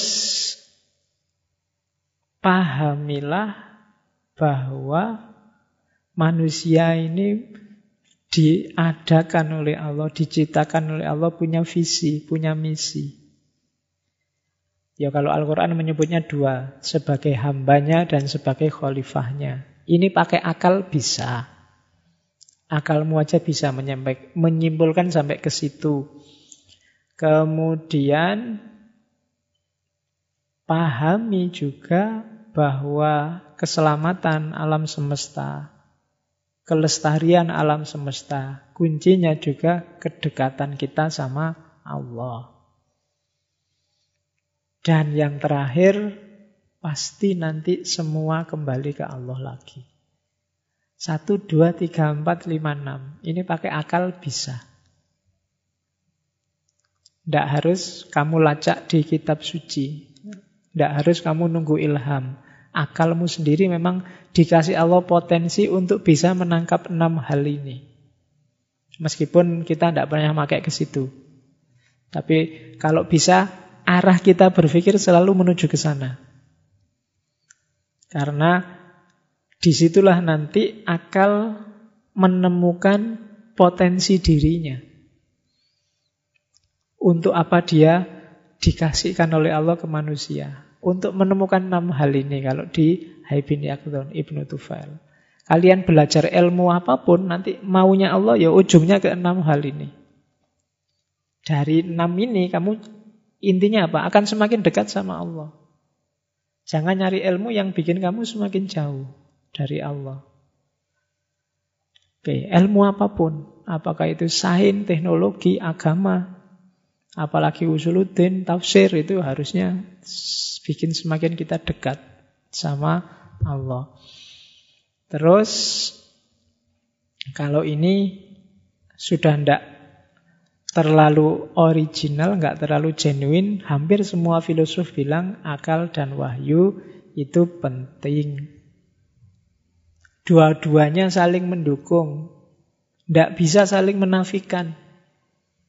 Maka tidak perlu diperdebatkan. Kamu tidak harus tanya mana lebih tinggi akal atau wahyu.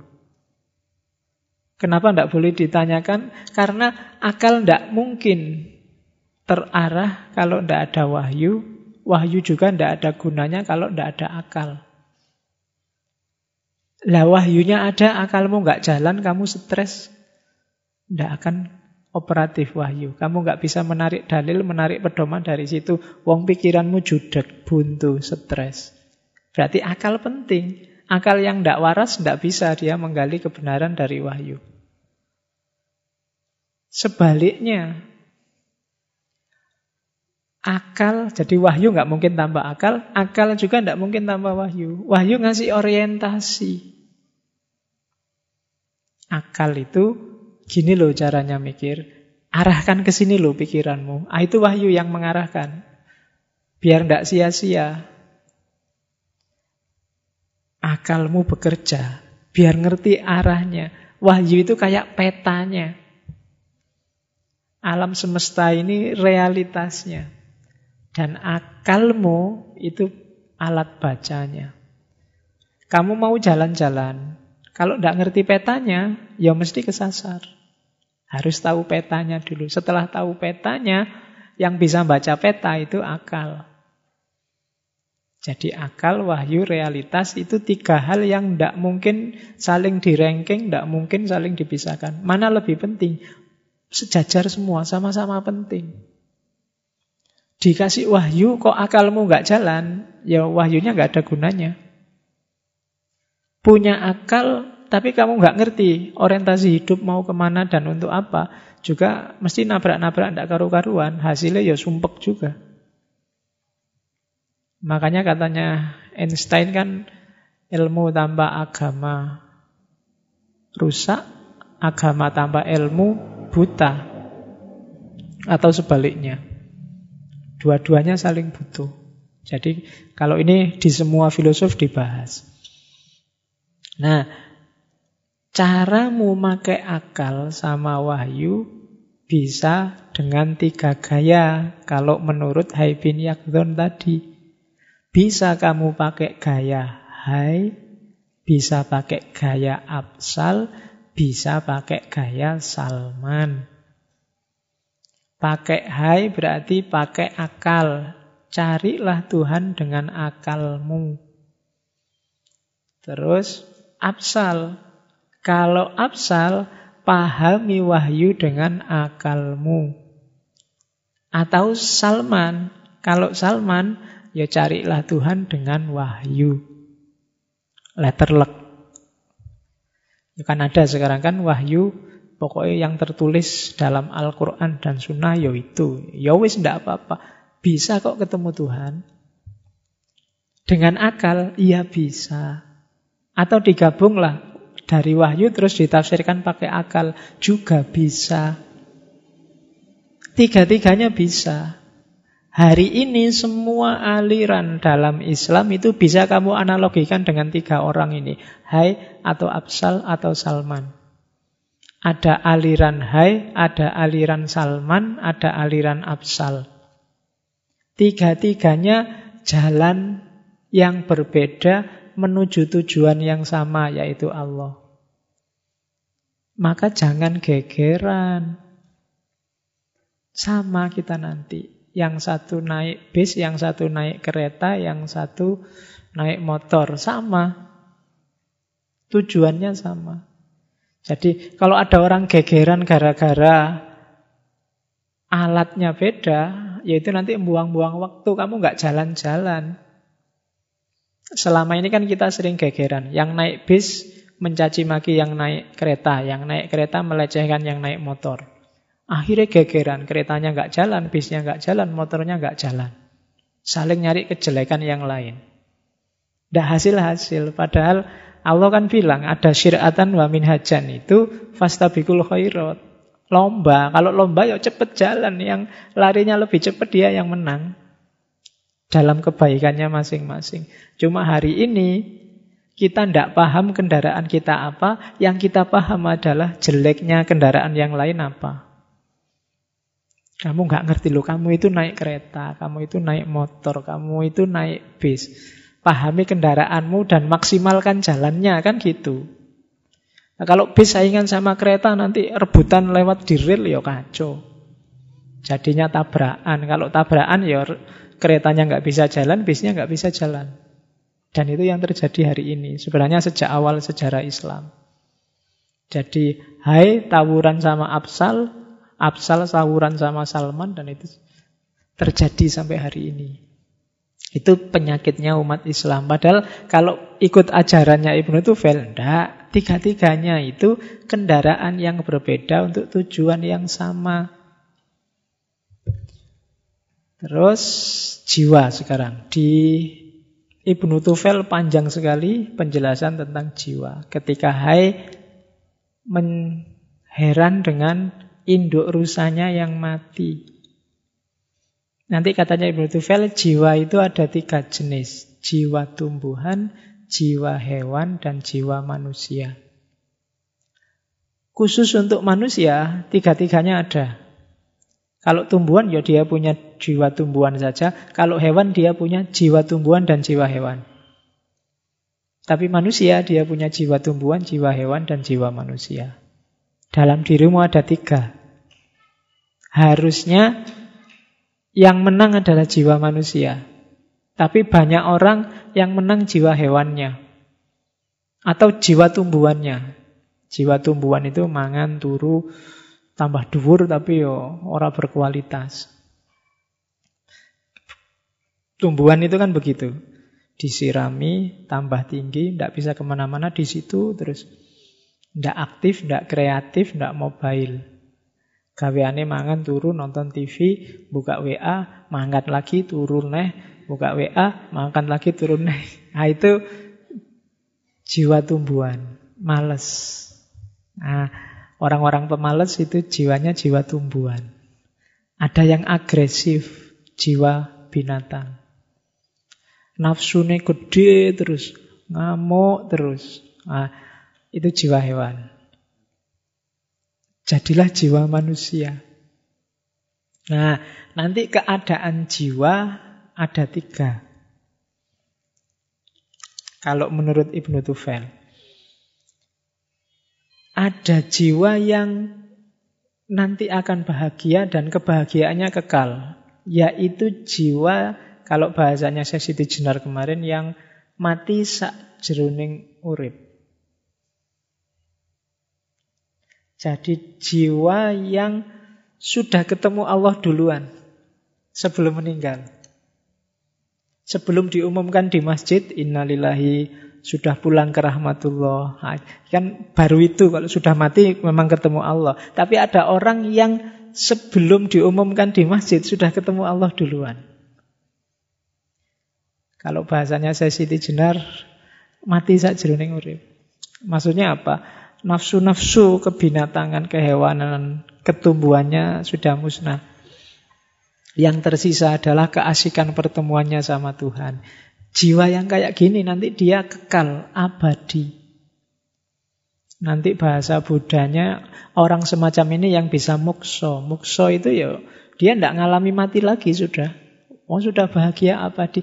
Mati itu fase yang sama sekali tidak penting lagi. Mati sekarang, mati besok nggak sudah nggak penting lagi karena dia sudah asik sama Allah. Itu yang bikin sufi-sufi seperti Al-Halat Suhrawardi, Syekh Siti Jenar itu ndak galau, ndak sumpek meskipun dieksekusi dihukum mati. Karena dia sudah mati duluan. Sudah asik hidup dalam Allah. Ini jiwa yang kekal abadi ada jiwa jenis kedua. Jenis kedua ini kenal Allah. Sudah kenal Allah, ngerti Allah, tapi masih nekat melakukan maksiat. Tapi cuek. Jiwa ini berat nanti, dia sengsara. Bukan jiwa yang mutmainnah. Kalau bukan jiwa yang mutmainnah, dia tidak bisa kembali ke Allah. Karena yang bisa kembali ke Allah ya ayat Tuhan nafsul mutmainnah irji'i ila rabbiki. Yang bisa kembali hanya nafas yang mutmainnah. Jiwa yang kenal Allah tapi melanggar itu pasti tidak tenang, tidak mutmainnah. Jiwa ini akan sengsara. Atau jiwa level ketiga. Level ketiga ini jiwa yang tidak kenal sama sekali Allah. Ini bukan lagi sengsara atributnya. Yang tidak kenal sama sekali dengan Allah itu jiwa hewan. Hewan itu levelnya kan level, tidak ada taklif di situ, wong dia tidak kenal. Tidak ada hubungannya sama kesadaran kebertuhanan. Dia bukan manusia lagi. Kalau nggak peduli, ada tidaknya Tuhan, ada tidaknya Allah. Nah, itu analisisnya Ibnu Tufail. Hati-hati keadaan jiwamu. Kalau kamu ingin bahagia, ada di yang pertama. Di yang kedua, kamu akan sumpek, tobatlah. Kalau kamu ada di yang ketiga, ya tobatnya lebih dalam lagi dan perdalam ilmumu tentang Tuhan, tidak cuma ilmu tapi juga laku. Biar kamu keluar dari kondisi kehewananmu. Nah, itu jiwa. Jadi kenal Allah, kenal Allah tapi cuek, sama ndak kenal Allah. Saya ndak tahu kita ada di mana. Cuma curigaku kita ada di yang kedua. Cuma ini suudon ya kan nggak boleh. Ya wis suudon. Saya khusnudon kamu ada di yang pertama. Ya, khusnudon ini. Zon itu kan cuma kira-kira. Terus etika dari Hai bin Yakdon bahwa dari tiga jenis karakter jiwa manusia tadi hewani, manusiawi, tumbuhan, maka tiga-tiganya butuh perilaku untuk memuaskan. Yang tumbuhan itu penting loh, jangan dikira kamu butuh makan, butuh istirahat, itu jiwa tumbuhan. Hasrat, ambisi penting karena kita dikasih nafsu oleh Allah, kita bukan malaikat. Kemanusiaan juga penting. Tiga-tiganya harus pas formulanya. Formula yang pas itu nanti lahirnya perilaku, namanya etika.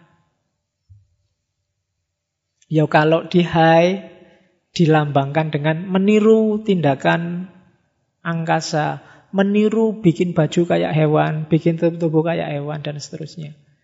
Apa semua yang dilakukan oleh Hai itu kan cuma niru yang di sekelilingnya. Itulah sumber etika.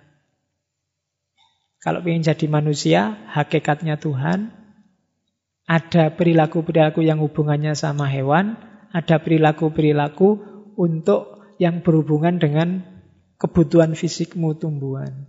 Satu nafsu, satu fisik, satu hubungannya sama ketuhanan. Tiga-tiganya harus pas.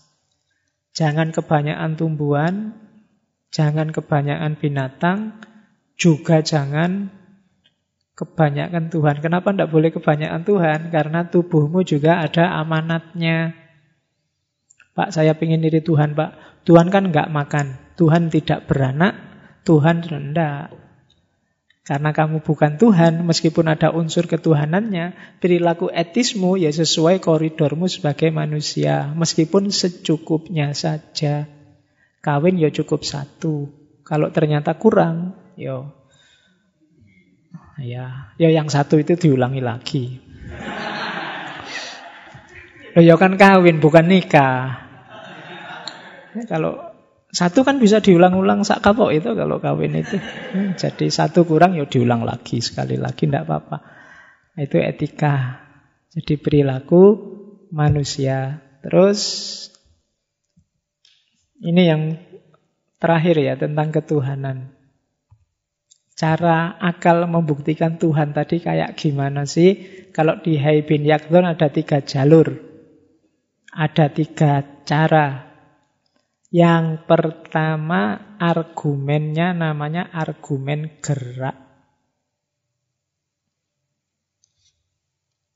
Jadi apa? Gerakan alam ini membuktikan adanya Allah. Terus ada yang bilang alam ini baru, ada yang bilang alam ini kodim. Katanya Ibnu Tufel, baik alam ini dianggap baru apa dianggap kodim, sama-sama membutuhkan Allah. Kalau alam ini baru berarti Allah lah yang bikin dari tidak ada jadi ada. Kalau alam ini dianggap kodim, Allah lah yang bikin dari tidak wujud seperti alam semesta ini jadi wujud seperti alam semesta ini. Kalau yang baru mungkin selama ini ilmu kita itu. Tapi para filosof ini khas. Ada yang punya pendapat alam ini kodim. Itu yang salah satu yang dikafirkan oleh Ghazali yang dibantah minggu lalu oleh Ibnu Rus. Tapi Ibnu Tufel menjelaskannya lebih bagus. Analoginya begini katanya Ibnu Tufel.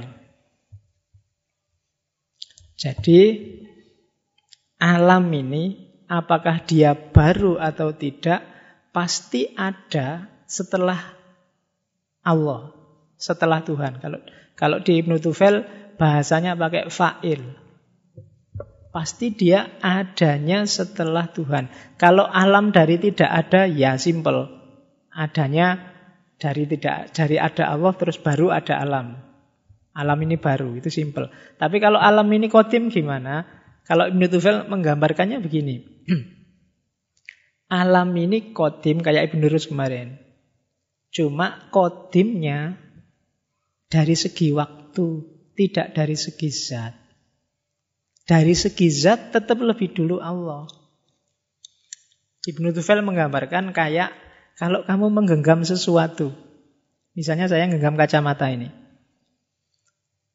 Kacamata di tanganku ini dari sini ada di sini. Itu lebih duluan mana? Tanganku apa kacamatanya? Dari segi zaman bareng. Tapi dari segi zat, ini yang bikin kacamata itu ada di sini. Itu maksudnya alam ini kodim. Gitu loh. Jadi dari segi zatnya aku yang menguasai. Wong ini tadi gara-gara aku ada di sini. Tapi dari sisi waktunya sama. Waktu itu kan ada ketika alam semesta muter. Jadi kodim dari segi waktu, tapi tidak dari segi zat. Karena dari segi zat tergantung aku, tergantung tanganku. Terus ada yang tanya, lah kalau alam semesta, kacamatanya ini apa? Ini kan berarti bahan. Asalnya dari mana? Kalau pakai Aristoteles, bahannya itu potensi. Susah ya potensi. Tak kasih contoh. Misalnya, yang hadir hari ini perempuan. Perempuan yang hadir hari ini itu punya potensi untuk hamil. Tidak usah dicoba tapi. Nah, untuk bisa hamil beneran, kan butuh yang mengaktualkan potensi itu. Dan alam semesta, dia ada kemungkinan ada. Jadi bahannya itu kemungkinan itu. Potensi itu kan kemungkinan. Jangan dibayangkan bahannya itu kayak kamu roti terus bahannya tepung, bukan itu. Bahannya alam itu ya kemungkinan dia untuk ada itu, itu potensi namanya. Yang bikin dari mungkin ada beneran itu Allah. Jadi dia kodim dari segi waktu dan bahannya itu potensi untuk ada. Ada beneran gara-gara adanya Allah. Sama kayak perempuan, dia punya potensi untuk hamil. Hamil beneran ya nanti suaminya. Kalau bukan suaminya ya tanya tetangga-tetangganya. Nggak mungkin kok tiba-tiba hamil sendirian. Gitu loh. Jadi pasti ada yang mengaktualkan potensi untuk hamil. Itu kan potensi sama aktualisasi. Jadi alam itu dari tidak ada jadi ada. Sama, meskipun dari sisi waktu dia kodim. Kayak ini tadi. Jadi dari sini bergerak ke situ, itu Allah yang menguasai zatnya. Cuma dari sisi waktu itu dia kodim. Karena dia sejak di sini sampai di sini dia ada. Cuma eksistensinya tergantung Allah. Dan yang bikin dia beneran ada Allah. Cuma dia tidak dari tiada. Kenapa? Karena ada bahannya. Bahannya apa? Potensi. Susah ya naik filsafat itu. Jadi barang gampang tadi jelimet. Kenapa? Karena akal susah menerima sesuatu Wong itu tidak ada kok terus jadi ada. Karena yang tidak ada ya tidak ada. Kok tiba-tiba jadi ada itu kan nggak mungkin. Akal susah memahami. Di dunia ini tidak ada sesuatu yang tidak ada terus ada itu. Ya paling ganti bentuk, ganti bentuk. Gulanya sudah nggak ada, ndak. Gulanya masih ada, cuma sekarang ganti. Jadi teh. Air putih tadi ndak ada, ndak. Sekarang ya jadi teh, jadi air coklat. Barangnya ndak ada. Kayak dompetmu hilang itu kan bukan berarti hilang. Paling pindah tempat. Dari sakumu ke saku temen sebelah kamarmu. Jadi ndak hilang itu, cuma pindah tempat. Nah itu argumen gerak namanya. Di situ membuktikan pasti Allah ada. Ah, kalau ini di mana-mana disebut. Jadi argumen materi dan bentuk. Kita baca langsung ya kalimatnya. Setiap materi membutuhkan surah, bentuk. Karena sebuah benda tidak akan tampak kecuali adanya bentuk yang membingkainya. Hakikat benda pun tak akan terbukti tanpa adanya surah. Surah tidak akan ada kecuali dengan perbuatan yang bikin dia ada dari Allah pasti. Maka hakikatnya semua benda yang ingin bereksistensi sangat membutuhkan yang mengaktualkan dia. Fa'il adalah ilat. Allah adalah sebab bagi semua benda yang ada di alam semesta. Kamu susah, tidak mungkin bisa membayangkan ada meter tanpa bentuk. Kalau ada berarti barangnya tidak ada. Ini plastik berbentuk kacamata. Ini kain berbentuk taplak. Kamu, Pak, bisa nggak Pak, kain tanpa bentuk? Susah membayangkan, oh, tanpa bentuk gimana ya? Kayu bentuknya bangku. Bisa nggak Pak kayu tanpa bentuk? Tidak bisa. Lah kalau tetelan itu Pak kayu dipecah, lah ya bentuknya tetelan itu. Lah kalau sudah jadi bubuk di pasrah, sekarang bentuknya jadi bubuk. Tidak bisa dibayangkan ada sesuatu, tidak ada bentuknya. Kalau dia nggak ada bentuknya, berarti nggak ada barangnya. Nggak bisa diakses orang, nggak bisa dilihat orang. Setiap meter butuh form.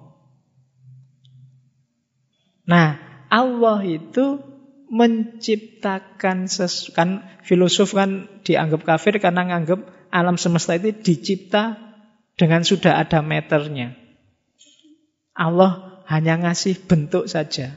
Ini sebenarnya kalau dibaca secara logis sama saja.